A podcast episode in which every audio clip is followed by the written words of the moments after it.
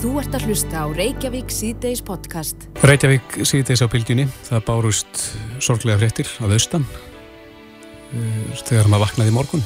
Akkurat, þetta kom, eh, ég sá þetta nú inn á miðlunum sent í gerðkvöldi en það var Karlmára 50-saldri sem fluttur á sjúkrási Reykjavík frá Eilstöðum í gær mm -hmm. eftir að lögregla skaut uh, hann við Dalsel sem er í útjæðri Eilstöðabær. Já, akkurat. En uh, það hefur líka verið rætt við vittni af þessum hörmungum þarna sem átti þessi staði gær. Þröstur Jónsson er íbú í Dalseli á Eilstöðum, kom til sæl. Það er. Já, þú ert nú búin að reyfa þetta málsóldi í samtalið fjölmiðla í dag en, en uh, farðaði síðir atbyrgarvarsuna með okkur, svona hvernig byrjaði þetta? Já, svona frá mínum bæði erum séð, þá byrjaði þetta bara þannig að ég sitt hérna inn í bílskúru einhvern undanlega sko og ég er að heyra einhverja smelli einhverstaðar hérna úti svona eins og krakkar er á, á hjólabrættinu einhvað sem er nú, það gerist nú alltaf sko. Mm -hmm. Svo er þetta orðið aldrei mikið og ég ákvað að fara út og gá hvað var í gangi og, og það eina sem ég sé er einhver maður á bakvið bíl hérna á bílastæðin á móti og heldur á einhverju þar og ég ætlaði satt að segja og svo vitlis ég ætlaði bara að fara og spjalla við hann sko. En það var eitthvað á miðri leið sem stoppaði mig og sagði mér að snúa við og ég fór inn í húsa aftur og sem betur fyrir gerði það vegna þess að setna uppgötuði það náttúrulega hvað maðurinn var að gera. Hann var í raun að hlaða skotvotnið Já. Og bara ákveðt að ég var, var fór út akkurat á þeim tíma en ekki þegar hann var með hlaðið vor mm -hmm. Þú segir að þú hefur heitt þetta smelli voru þetta smellir þá í, í loftrifli? Uh, sko ég held að þetta væri loftrifli sko en, en dæmdi það bara út á verkunni sem ég sá á rúðunum innanfrá sko en, en þetta er væntalega allan það sem lenda á mínu húsi er, er haglabissa og svo held ég að það verið þannig einhver rifli líka það voru, voru lág patrónu þannig líka En þröstu þú snýr við og svo tekur við eitthvað byggð Já, svo tekur við eitthvað byggð sko, ég, nei, ekki svo mikið byggð sko. þetta var búið að ganga þessi smelli kannski í, í hálf tíma eða eitthvað sko. og svo fer ég bara inn í hús sko, og þá, þá sé ég bara út á glöggan hjá mér, það er konið tveir lögurglubílar og ég átt að menn var ekki á hvað er að gera strax sko, þetta, maður án ekki vona þessu einhverstaður í ströylstun og ég bara lappa út hinn rólega stjórnum út um aðalenganginu og ætla að fara að spjalla við löggunum sem að gera hérna í sveitinu sko. og en, þá sé ég náttúrulega bara uppgöt það þeir eru bara í, með skildi og allir varðir sko og, og eitt þeirra bara kallar á mig skipa mér að fara inn aftur sem er náttúrulega algjörlega rétt hjá hann mm -hmm. og ég fyrir inn og þá sé ég glukkana þeir, hjá mér að þeir eru allir, allir í tællinu sko. Akkurat, en þú talaður um að, að skot, var skotið á húsi þitt einnig? Já, það er skotið á mitt hús eitthvað, þetta eru sennilega tvö eða þrjú skot sem fara uh, á húsi hjá mér, já. Úr, uh, öll úr haglabissu hefur ég haldið, sko. Mm -hmm. En þú heldur áfram að fylgjast með að, atbyrjurásunni þarna eftir að þú kemur inn í þitt hús á ný? Já, ég gerir það. Hvað, hvað sérðu þá? Það er svo sem sérst nú náttúrulega ekki mikið vegna þess að það kom fjöldi örgurbíla og, og, og þarna sem eru fyrir þarna og, og það er dimt líka til það en, en það sem ég svona kannski sá var það að já, lögur, það var einhver umsátis ástand náttúrulega bara tölu verðan tíma og það var verið að reyna að áopna manni greinlega og síðan bara heyri í það, það er maður þarna sem löglega maður sem, sem stendur með, með skambissu í miðunarstellingu og, og skipar hann maður leggja frá sig vopnu og gerir það þrísvar þannig að það var reynilega komið alveg í fulla nefana þegar hann, hann loksins lætur skotið rífa af og, og árasamæður, ég sé árasamæðunum fellur niður þannig. Akkurat. Þannig hefur þú þröstur herti í fleiri bæjarbúum? Hvernig er eh, svona ástandið fyrir austan núna? Já, já, ég held bara, sko, fólk sé ekki búið bara átta sig á þessu. Þetta, þetta er svo útópíst að þetta gerist hér á þessum stað, sko, þessum að breyðsaldin er, sko, eitt af aðal lífsgæðanum að ég bara held að fólk sé ekki eins og bara, bara sko, náðis. Nei. Já, í vissi legi, menna, menn, fólk sem var hérna í nágruninu það, það sjokkar það, segir sér sjálf náttúrulega. Já, en þarna voru fjölmargir í, í stór hættu það ekki? Ég veist sem alltaf ekki að leggja mat á það, ég held að allan sloppið sloppi vel, það voru flesti konu inn og, og hérna, ég, ég hef svo sem enga enga ástæð til þess að fabuleira en það sko, ég bara veit um sjálfa mig, ég hugsa með sjálfa mig sko, ég sjálfur sér var í hættu þarna með það að vera fælast þarna út sko en, en bara sem betur vera þá, þá var tímasetning að gera það árið.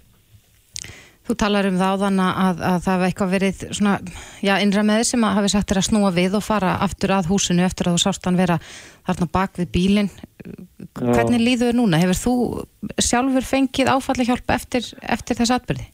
Ég hef búin að gera það, ég fór nú bara og rætti við okkar á tjöta press sko, en svo sem ekki það gera það. En það var ágætt. Hvað tekur við núna?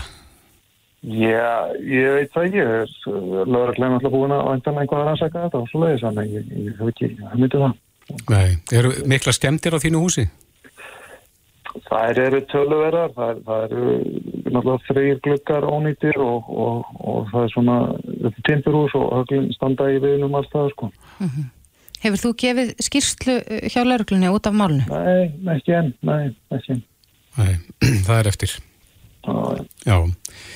Þröstur Jónsson, íbúi í Dalsili á Egilstöðum, við sendum bara bestu kveður hérna austur og gangi ykkur vel að vinna úr þessu.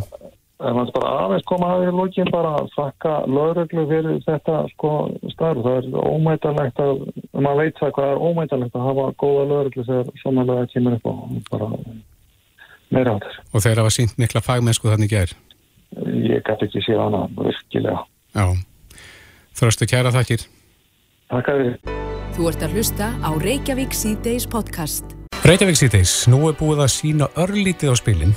Hvað, hvað tekur við? Það á að slaka þess á fjöldatakmarkunum Akkurat. og uh, nú á að innkallega þar að taka í nótkunn þessi svo kvöldur hraðpróf fyrir þá sem að verða á sitjandi síningum. Já, uh, það kom fram í tilkynningu núna í vikunni að, að á næstu dögum, eins og er orðað þar, verði unnið að útfærsla á tillögum sóttvarnalækni sem að hægt verði að hafa alltaf 500 manns í hólfi á sitjandi viðbyrjum og engin fjarlæða takmörk gegn hraðprófum.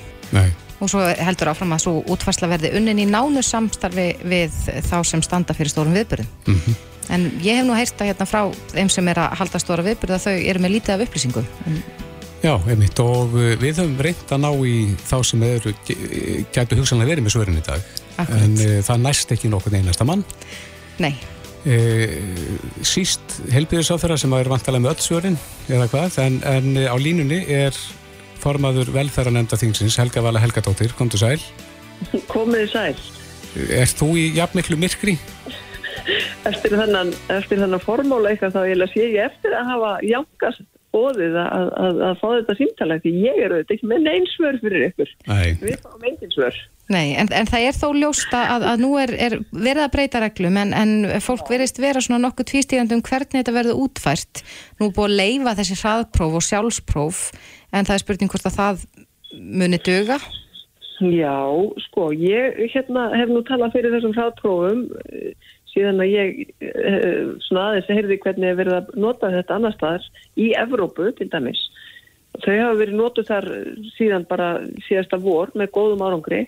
Uh, námsmenn hafa þurft að, að taka þessi hraðpróf uh, til dæmis í Danmörku og, og, og Breitlandi og Þýskalandi, Fraklandi, út um allt, Östuríki og, og, og listamenn hafa notað þessi hraðpróf og, og, og fleiri og fleiri stjettir og svo þeir sem að vilja fara á fjölmenna viðburði, þar hafa líka verið notað þessi hraðpróf uh, og þau hafa sko ímist verið uh, próf sem að fólk tekur sjálft. Uh, eins og til dæmis í Breitlandi, það eru bara sendin á öll heimili svona uh, pakki með hraðprófum í hverju viku. Eða þá eins og þetta gert í, í, í Gríklandi, Berlín, Kaupanöfn, víðar sko, það sem eru svona stöðvar, bara fjöldi, fjöldi stöðva og ég veit til dæmis í Danmörku að þar náðu þeir að, draga niður sko atvinnuleysist tölurnar töluvert með því að ráða fólk á atvinnuleysisgrá sem er að sinna því að taka þessi hraðpróf. mm Það er bara, þetta er á öllum svona fjölmennum stöðum, uh, lestarstöðum eða, eða samkómuhúsum, bara eins og við erum að nota lögadalsöll og svo framvegis, svona, svona stóra stöðvar sem að, sem að e, fólk getur farið í til þess að fá þessi hraðpróftekin og vera þá með vottorðum að, að, að þau séu hrein. Eh, Skólakrakka bæði í Breitlandi og Danmarku hafa þurft að sína þetta tvisat til þrísari viku. já, Uh, þeir sem að vinna stóru vinnustöðum líka og þetta er, hefur verið án endurgjalds á þessum stöðum. En það sem er svolítið rugglingslegt Helga Vala svona í þessari umræði heyrimaður hjá fólki er að hraðprófin koma í umræðina á sveipuðum tíma og sjálfsprófin, það er að segja heimaprófin. Já. Við erum ekki að tala um slíkt, við erum ekki að tala um það að fólk geti keift svona heimapróf, eh, prófa sér sjálft og sínt síðan eitthvað niðurstuður því.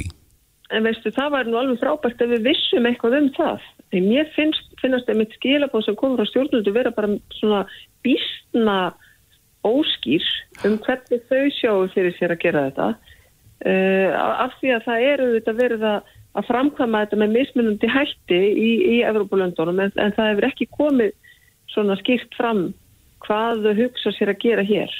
Og mér fannst líka kannski uh, já, það er einhvern veginn uh, það komi mjög svona ólík svör frá ráðurum ríkistjórnarinnar varðandi hvað þau vildu gera Þórólf var eh, ekki sérstaklega jákvæður í garð þessar að prófa svona framan af en virðist hafa, hafa svona snúist hugur mm -hmm.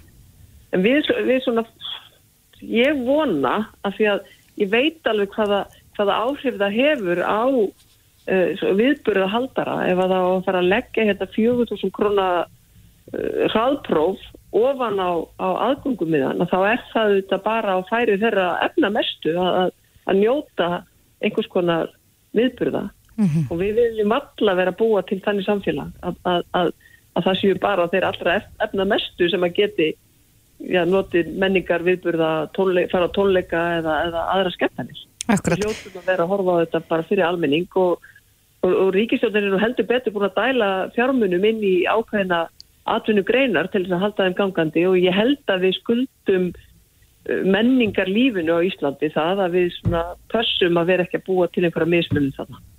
En, en þessar reglur auðvitað stíla svolítið inn á, á ákveðin kema af menninga viðbyrjum þar sem þetta á bara við um setjandi viðbyrði. Er, er ekki tími til komina að bæta annars konar listamönnum upp tapið þeim sem halda tónleika og annars líkt?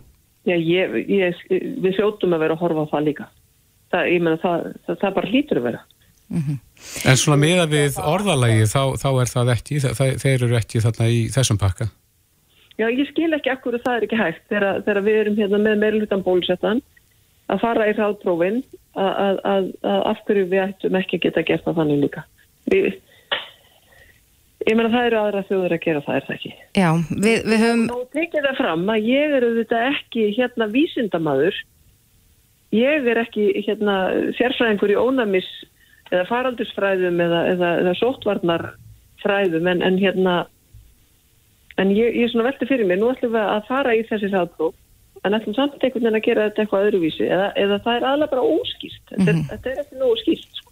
Það hefur verið talað eins um það í fréttum að undanförnum svona í þessari viku að, að Ísland er með frekar miklar takmarkanir innanland sem er svona borið sama við önnurlönd uh, hver var ákjósanlegasta leiðin að þínum að Helga Vala varðandi þessi hraðpróf? Ættu við að fá að, að prófa okkur sjálf heima með þá lámarkskostnaði eða á að fara í samninga við engaðalum að já, framkvæma próf af, af þá fagaðalum? Já, ég myndi vilja sjá okkur fara svipaða leið og er verið að nota í, í Evrópuríkjum og það hefur verið bara tekin ákvarðunum að hafa þetta gældfrjálst, þessi próf. Þetta er hluti af þessum einstaklingsbundnu sóttvörnum, þar að segja við, við notum grímur, við sprittum okkur og við förum í þessi þáttpróf til þess að geta sótt uh, ímsa viðburði og geta til dæmis eins og, eins og unga fólki okkar sem að hafa ekki fengið eðlilegt uh, svona félagslíf síðustu þrjú árin. Ég meina, bara það að vera þetta einanguð og fá ekki að, að hitta skólafélagana fleiri en tíu í hóp og alls ekki hérna, nálátt hvert öru. Það getur haft bara mjög langvarandi alvarlegar afleðingar í fjölmessi, bara fyrir svona félagsþroska og, og geðhilsu þjóðarinnar. Ég hef, hef meiri áhugur af því rauninni núna heldur, heldur en hinnu. Mitt. Helga Vala Helgadóttir, formaður velferðanemdar Þingsins, við skulum sjá hvort að ráðamenninni fari ekki að sína á spilin. Það er í það mest að mörgum spurningum ósvarað sem, að, sem er verið að leita svara við. En eh, kæra þætti fyrir spjallið. Takk fyrir sem leiðis. Þetta er Reykjavík C-Days podcast. Reykjavík C-Days heldur áfram. Eh, við heyrðum hér áðan frásögn eh, manns sem að, að býr í götunni á eigilstöðum þar sem að þessi ræðilega atbyrður átt sér stað í gerkvöldi og, og svo höfum við heyrt af því að um, búið sér að opna áfallamiðstöð eftir atbyrði gerkvöldsins á eigilstöðum. Ég mitt. Á línunni hjá okkur er Björn Ingimarsson, sveitarstjóri Múlaþings. Komdu sæl. Já, komdu sælblössuðu. Já, þetta eru ræðilegir atbyrði sem áttu sér stað þarna í gær uh, og eins og ég sagði þá er búið að opna uh, áfalla miðstöð fyrir bæjarbúa. Veistu hvernig, eða hvernig er hljóðið í, í fólki hérna fyrir austan? Fólk er að sjálfsögðu sleið. Þetta er náttúrulega ekki það sem að, að við eigum að venjast, fólki hér nýja annar staðar, hér í okkar landi.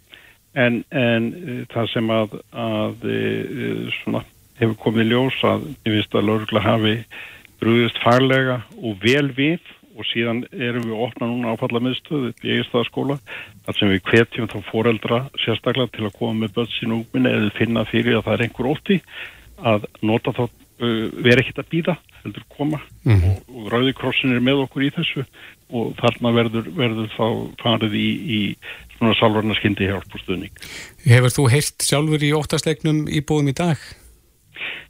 Ég hef, ég sko auðvitað hef ég ég hef ekki endilega heyrt í þeim sem þarna búa hvað næst en, en ég er náttúrulega búið að heyri mörgum íbúum og fólk er bara sleið það, sé, það er alveg sama hvað er komið því að þetta er ekki það sem við eigum að venjast og, og reiknum með En þetta er viðfemt eh, svæði og svona menn fara náttúrulega strax að, að huga að starfsumkverfi lauruglumanna við, við slíkar aðstæður. Já. Þetta tókst vel til þarna í gær en uh, telur þú að viðbrastími sé almennt góður á svæðinu? Hann er það og, og ég, ég bara, ég held ekki alveg, alveg hérna hælti eh, löggeðslu aðlum hér fyrir það. Við höfum átt, erum í góðu samtali og það hefur verið mjög gott samstarf á milli aðila e, bara undan að fara í misseri. Þannig að, að e, ég, ég þetta kemur mér svo sem ekki óvart að þeir skuli hafa brúðist við með þessum hraði og þetta vel. Akkurat. Þú talar um áðana að þú, þið varu sérstaklega að hvetja fóreldra til þess að fara með börn og, og fá áfalla hjálp eða, eða já, bara svona tala um þessa atbyrði. Voru börn í hættu þarna þegar þetta átt sér stað? Í, sko ég hef í rauninni ekki upplýsingar um það. Þannig að, að ég treysti mér ekki til þess að segja af eða á með það.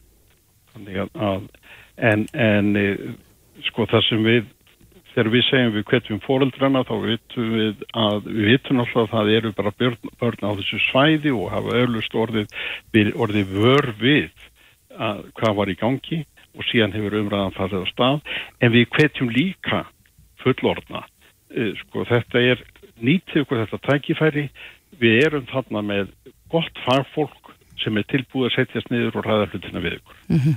Við töluðum áðan við Íbúa í götunni sem var vittna af þessu og hann talaði um að, að ja, það væri nú eitt svona aðalsmerki eh, þessa bæjarfélags er öryggi sem fólk finnur fyrir.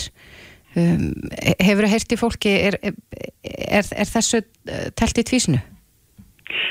Nei, ég hef ekki, ekki heyrst það, en það er bara, bara mikilvægt að við áttum okkur á því að svona hlutir geta, geta uh, komið upp Eh, það er líka mjög gott að við finnum að uh, þeir sem að sinna lögislu gera það að farmísk og gera það vel. Ég, ég, þannig ég hef ekki orðið var við það. Nei, og, og hafa tæki og tól til þess að sinna starfið sinu vel. Já. Akkurat. Já, við höldum áfram að fylgjast með fréttum af þessu máli en Björn Ingimarsson, sveitastjóri Múlaþings. Takk að kærlega fyrir þetta og góða helgi. Já, sumleðis.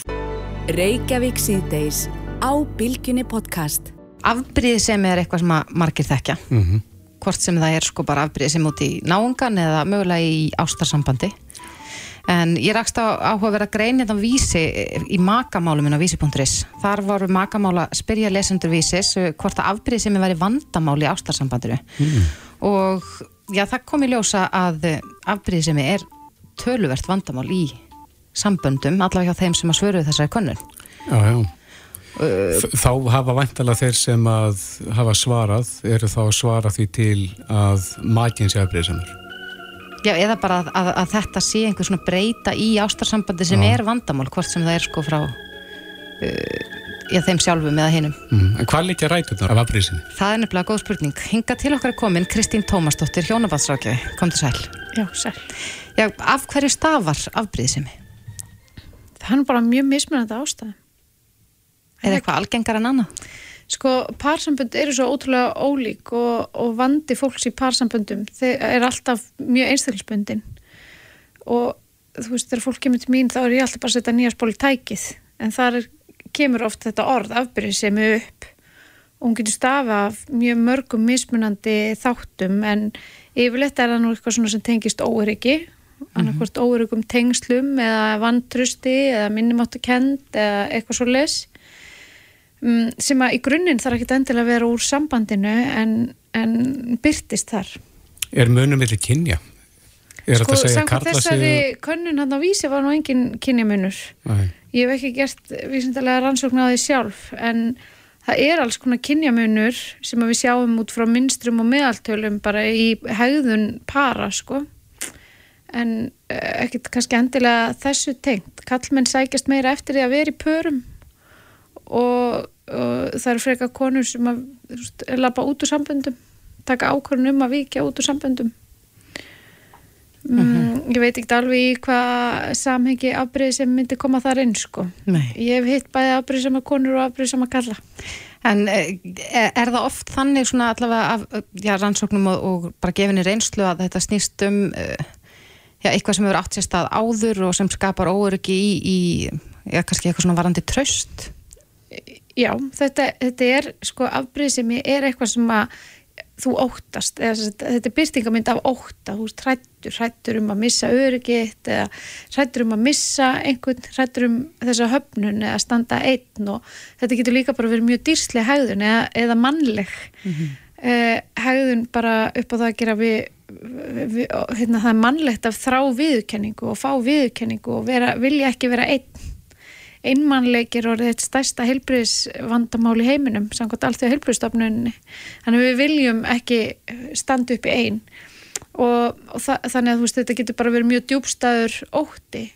Og þegar fólk óttast eitthvað svona djúbstætt að þá fer það líka í, í svona mikið varnar mikið varnar gýr þar sem að við erum bara taugafræðilega ekki færum mikið meira en bara fight, flight eða frís það er að segja hérna að frjósa eða, eða, eða reyðast eða fara að flóta og afbreyð sem er kannski bara einn byrtingamind af því.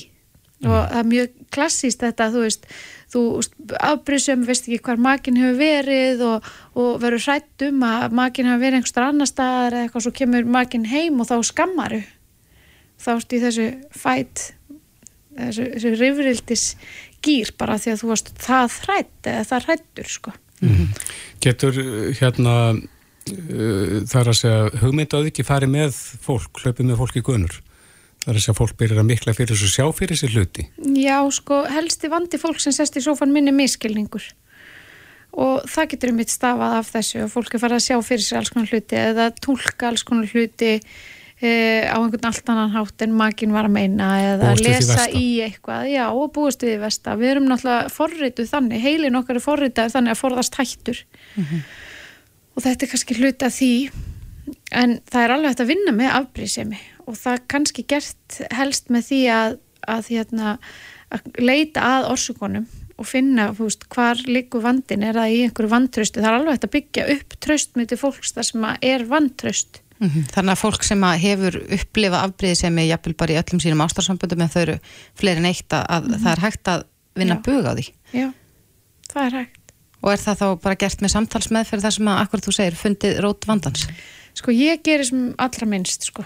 ég get kannski hjálpa fólki að hjálpa sér ég get hjálpa fólki að sína, finna sína lausnir og, og hérna en já, það hefur alveg verið til fólk sem hefur hérna, fengi bara aðstóð í samtalsmeðferð við að losa sig við afbrýðisemi. En uh, ég er náttúrulega mest að trúa parameðferð, mest trúa að þetta sé einhver dýnamík milli parsin sem veldur þessari uh, afbrýðisemi og þau þurfa að vinna með parið og parið þarf að hjálpa stað að komast yfir það og oft er þetta náttúrulega gagkvæma afbrýðisemi. Já, í báðar áttir það sem að, að Mhm. já, akkurat og þetta er byrtingamynd af oft öðrum vanda og þá var þetta að taka á þeim vanda til þess að takast á við afbríðsemina Já, ég held að, að hlustendur uh, sem hafa upplifast líkt, maður uh, hugsaður að þetta er ekki, ekki eitthvað sem maður vill hafa mm -hmm. já, inn á rúmgablinu hjá sér. Nei, sumi lítið samt á þetta sem ákveði svona aðhald eða eitthvað sem að svona setur einhver mörk í sambandið þegar þú finnir fyrir afbríðsemi þá er það eitthvað til þess að gefa þér merkjum og þarst að hafa þér einhvern veginn örsi eða e, já, vera á tánum. En grunnurinn er óöryggi? Ég myndi segja það, að mætti það hlýtur að vera hægt að reyka afbrið sem hefur leitt í, í eitthvað svona órugtengsli eða óryggi eða minnumáttukendi eða vantraust. Mm -hmm. Já, þetta er áhugavert en þessi eh, könnun er erinn á vísipunktur þess að kynna sér niðurstöðuna þar en þar voru allavega meiri hluti sem sagðu að, að, að eh, það væri já að einhver leiti vandamáli í samböndum afbreyðsiminn. Kristín Tómasdóttir, Hjónabatsrákjafi, takk kærlega fyrir komuna. Takk fyrir mig. Reykjavík síðdeis á bylginni. Reykjavík síðdeis á bylginni heldur áfram. Það er gaman að sjá að menningarlífið eh, virðist vera að fara svona, svona aftur í gang. Mm -hmm. uh, margar frumsýringar á, á leikverkum í leikhúsunum og, og eitt þeirra var frumsýnd í gær og þetta er búin að vera mikil þraut að ganga að koma þessu á svið. Já, einmitt. Og þetta er uh, nýju líf sem að fjallar um líf Böpa Mortens. Og Böbbi Mortens sjálfur er á línunni, kom þú sæl? Já, komið þið sæl og, og, og hæ, hlustundur, bylgjunar. Ert þú ekki hafmyggi samur að, að þetta sé loksins farið að stað? Jó, þetta eru þetta gríðarlega mikill og stór áfangi og þetta gengur vel og fólk grætur og öskrar og klappar og allt eftir því.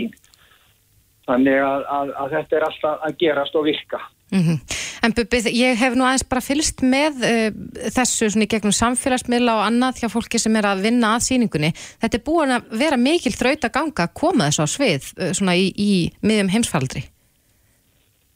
Já, já, já, ég meina eðlilega og sérstaklega áður en að, að við bólisettum þjóðina þá var þetta, þetta bara illgeranlegt. En núna þegar það er búið að bólisetja meiri hluta þjóðarinnar þá, þá, þá er þetta hægt og ég er auðvitað á því bara við höfum að gera eins og danir og, og nákvæmna þjóður okkar, við höfum að aflétta, við höfum að aflétta samkomiðbanni og við höfum bara að stílina á það að þjóðfélagi fái að rulla og, og, og já, hafa sinn gang mm -hmm. og svo bara eru við með hraðpró og við erum bólisett og við passum upp á okkur og og við erum að passa upp á gamla fólkið og þá sem eru kannski veikjur og með undirlíkjandi sjúkdóm og allt það. En við getum ekki haldið áfram þessum leik í halva mánu má gera þetta og svo koma fimm vikur það sem má ekki gera og svo framvegis. Og ég held sko að, að 500 manna afléttun án skilir það sé og hlýtur að bara vera það sem að koma skall mm -hmm. í mhm. bíli. Já, en aðeins að síningunni, Bibi, hvað, á, hverju fólk von á? Fólk á von á einni stóru B-O-B-U. Bobu. er, er, þetta er byggt á þínu lífi, þessi síning, og, og hérna, þarna er þín saga sögð. Já, alveg frá frá bara að, að ég er eh, sjö ára gammal mm -hmm. byrjar þar sem að ég er sjö ára Var það þá sem þú mannst fyrst eftir þau Bubi? Nei, ég mann miklu fyrir eftir mér. Ég mann eh, mjög langt aftur og, og, og hérna en hins vegar er ástæði fyrir því að, að, að leikstjónin velur að byrja hana þar þar er að hefjast skólagangar mín og, og, svo þrautaganga sem að ég þurft að gangi gegnum í sambandi við skólakerfi og svo heldur hún áfram og stiklar á bara úlingsárunum og verktíðatímonum og síðan auðvitaðgasmönnum og ego og þarna fær fólk að upplifa uh, alls konar hluti, fallega, ljóta, astnalega, lúðalega, hýja þýrbubbi og, og, og guðum að vita hvað sko. Mm Þetta verkar kannski sérstakt, sérstakt að því leiti að það eru þó nokkri sem fara með hlutverk Bubba Mortens. Bæði Já, karlar eru- og konur og þetta einvala lið leikara. Já, það eru nýju, nýju leikarar sem, að- sem að leika mig og, og allt frá því að, að, að bara að, ungur, ungur strákur leikur mig þegar ég er lítill og svo bara upp úr og hver, hvert og eitt þeirra eh, er að gera bubbanum sínum skil á, á algjörlega óviðjafnarlegan máta. Og og maður stendur og, og, og gabbir sko. Já, en það er eins og nafnið að verkinu gefur til kynna nýju líf, að þá er þetta nokkri kaplar í þínu lífið þarna, hvaða kapla þykir þið vænstum? Mér þykir vænt um hvern einasta kabla, ljótu kablana og erfiðu kablana og, og falliðu kablana vegna þess að, að ég hef aldrei í rauninni gefið svona óheft skotleifi á mig nema að vera búinn að vinna það vel í sjálfum mér að ég get staði keikur og, og horst á og sagt mikið þykir mér vænt um hvern einasta bubba sem er aðna. Við heyrðum hér í, við Kristoffer í spjalli við mann um daginn að hann hefði séð sko gamlan harðan rockara í leðurjakka fella tár. Er þetta mikill tilfinningar úr sípanni, síningin? Já, ég menna það er grátandi fólk allt kvöldið, sko. Það er fólk að gráta, fullari fólk og ungt fólk. Ég menna, fyrir 200 dögum síðan þá var ég að horfja á, úlingagráta, sko. Og, og, og, og, já, það er þannig, fólk er rættur. Fólk er grátandi, hlæjandi, öskrandi og æpandi og klappandi og þetta er, þetta er þannig síning. Mm, og ekki dreigið undan? Nei, ekki dreigið undan. Ég er algjörlega húðflettur aðna. Akkurat. Við hvetjum alla til þess að kynna sér þetta, nýju líf í borgarleikusinu. Bubbi Mortens, kæra þakki fyrir þetta og góða helgi. Já, sömu leiði, svo hlustum til byrjun og góða helgi. Reykjavík síðdeis á Bilginni podcast. Jæja, það er mikil hátíð sem að stendur fyrir dyrum. Á morgun þá verða 35 ár liðin síðan að Bilgjan, fyrsta frjálsa útástöðum fyrir loftið. Já, þetta er þetta mikil tímamót og voru þá. Já, Það var rosalega stórt skref einmitt. fyrir fjölmiðlun á Íslandi. Þarna fram að þeim tíma hafði ríkið bara setið eitt að þessu og engum öðrum treystandi til þess að, að reka útvarpið að sjónvarp. Akkurat. En eh, já, á morgun verður þetta bara veistla hérna allan daginn í, í beitni útsendingu Mhm. á bylginni. Það sem Já. að koma fjölmargir gestir, tónlistaratriði, grínistar og, og svo okkar dagskrafgerða fólk Já, kemur þarna við sögu. Bara mótandi kvölds.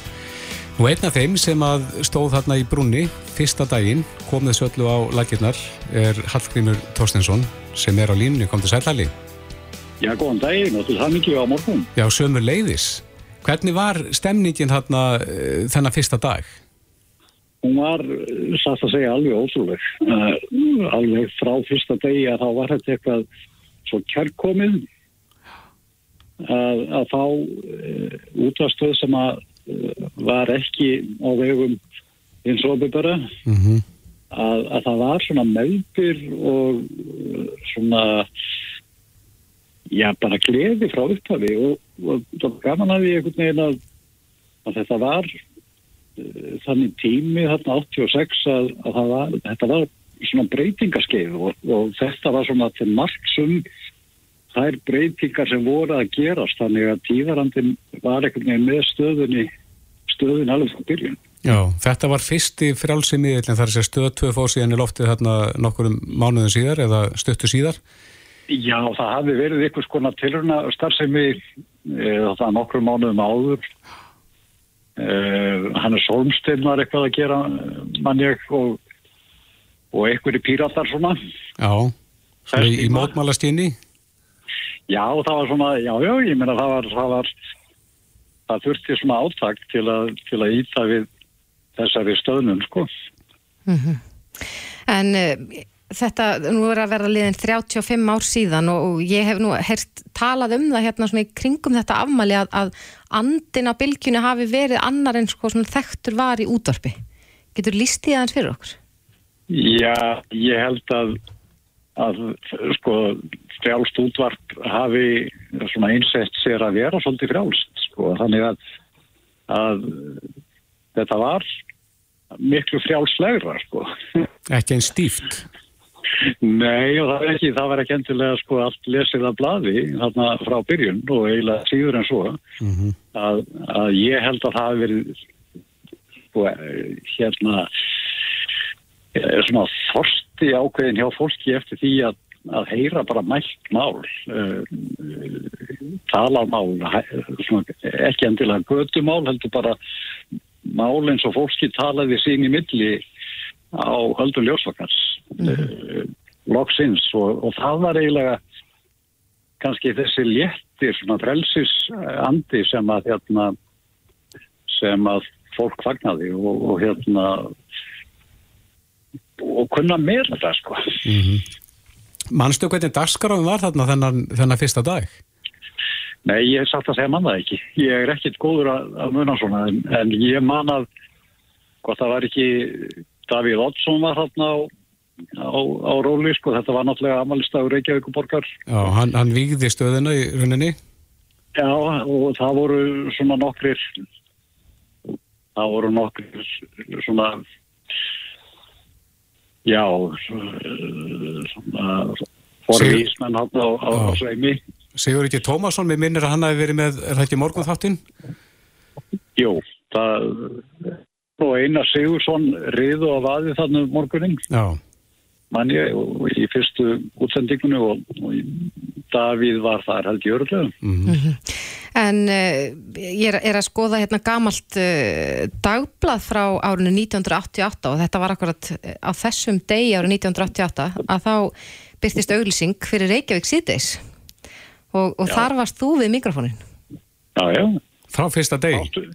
Á fyrsta degi og þátturinn hefur alltaf heitið Reykjavík síðdeis en það sendur út frá Reykjavík síðdeis Já, akkurat. og, og það það hefur haldist og ég ánæði með það og, og ánæði með að svona merki þáttur hafi verið haldið á lofti Mm og þakka þér Kristoffer og, og, og Þorgeri fyrir það Það stendur hér í auglýsingunni Hallgrímur að, að þú sést á nýjum brautum í Reykjavík síðdeis sem er nú vettvangur fyrir hlustendur sem vilja koma skoðunum sínum á framfæri. Var þetta já, svona nýstárlegt í útvarp á þeim tíma að, að hlustendur gætu fengið að segja sitt? Já, það var dálítið nýtt. Þetta hafði reyndar verið e, svona pillitið reynd á, á ríkisútvarpinu, jáfnvel á rás eitt á sínum tíma, þá var svona eitt frjálslegu þáttur sem að, að, að lefi þetta Mm vinsætt. Og en þetta hafði ekki verið mikið gert af þessu, þannig að, að hvað þá að fólk færa tjá sig um sko hinn og þessi svona pólitísku mál sem að, áttu eiginlega bara heima í vel riðstýrðum bladagreinum -hmm. sko þang, þanga til að, að þetta byrjaði. Já, ég man líka hérna, það var nú ekki þarna árdugunum Halli en, en við vorum að gera tilunni með svona díleitæki, það sem að fólk átti nú til með að uh, setja ýmislegt út úr sér og, og já, já. þá vorum við með minni með 15 sekundna töf á útsendingunni. Já, já. Kom nú stundum til að við íttum á takkan og, og röfum. Já, þetta var svolítið svona, er rugglingslegt, menn komast aldrei upp á lægi með að nota þetta. Nei. Þannig að þessu er bara hendt til hliðar, held ég mjög fljóðlega. Já, og fólk bara sagði það sem það mátti segja og, og, og vildi segja. Já, það var, það var mjög sjaldan eitthvað sem að, sem að kom eitthvað upp á sem að, sem að hérna ekkur hafi verið svona lendi, lendi illa því út af. Já. Ég held ekki, sko. Og ég meina fyrir, hafið ekki orðið hafið ekki þurft að hafa svona bílættæki í ykkar þætti til dæmis í nei, nei. mörg ár. Akkurat, það er rétt. En e, 35 ára morgun, ætla þú að gera eitthvað í tiluminn dags? ég veit það ekki. Kannski hlusta á bylgjuna? Bara, ég, alltaf ég styrði ekki á bylgjuna, jú. Já. En þetta er sko 35 ár, Kristófur, þetta er, þetta er ennþá eiginlega bara unglam. Já, já. Það, 35 ár er engi tími. Nei, akkurat, einmitt. En gaman að heyri þér, Halli, ert ekki fyrir austan? Ég er fyrir austan núna í hérna Rókurengingu. Já, það hlaut að koma því fyrir austan að, að það, það, það kemur smá væta. Já, já, já, um að gera. Kæra þakki Ekki spurning, kæra þakki fyrir spjallið. Hlustaðu hvena sem er á Reykjavík C-Days podcast.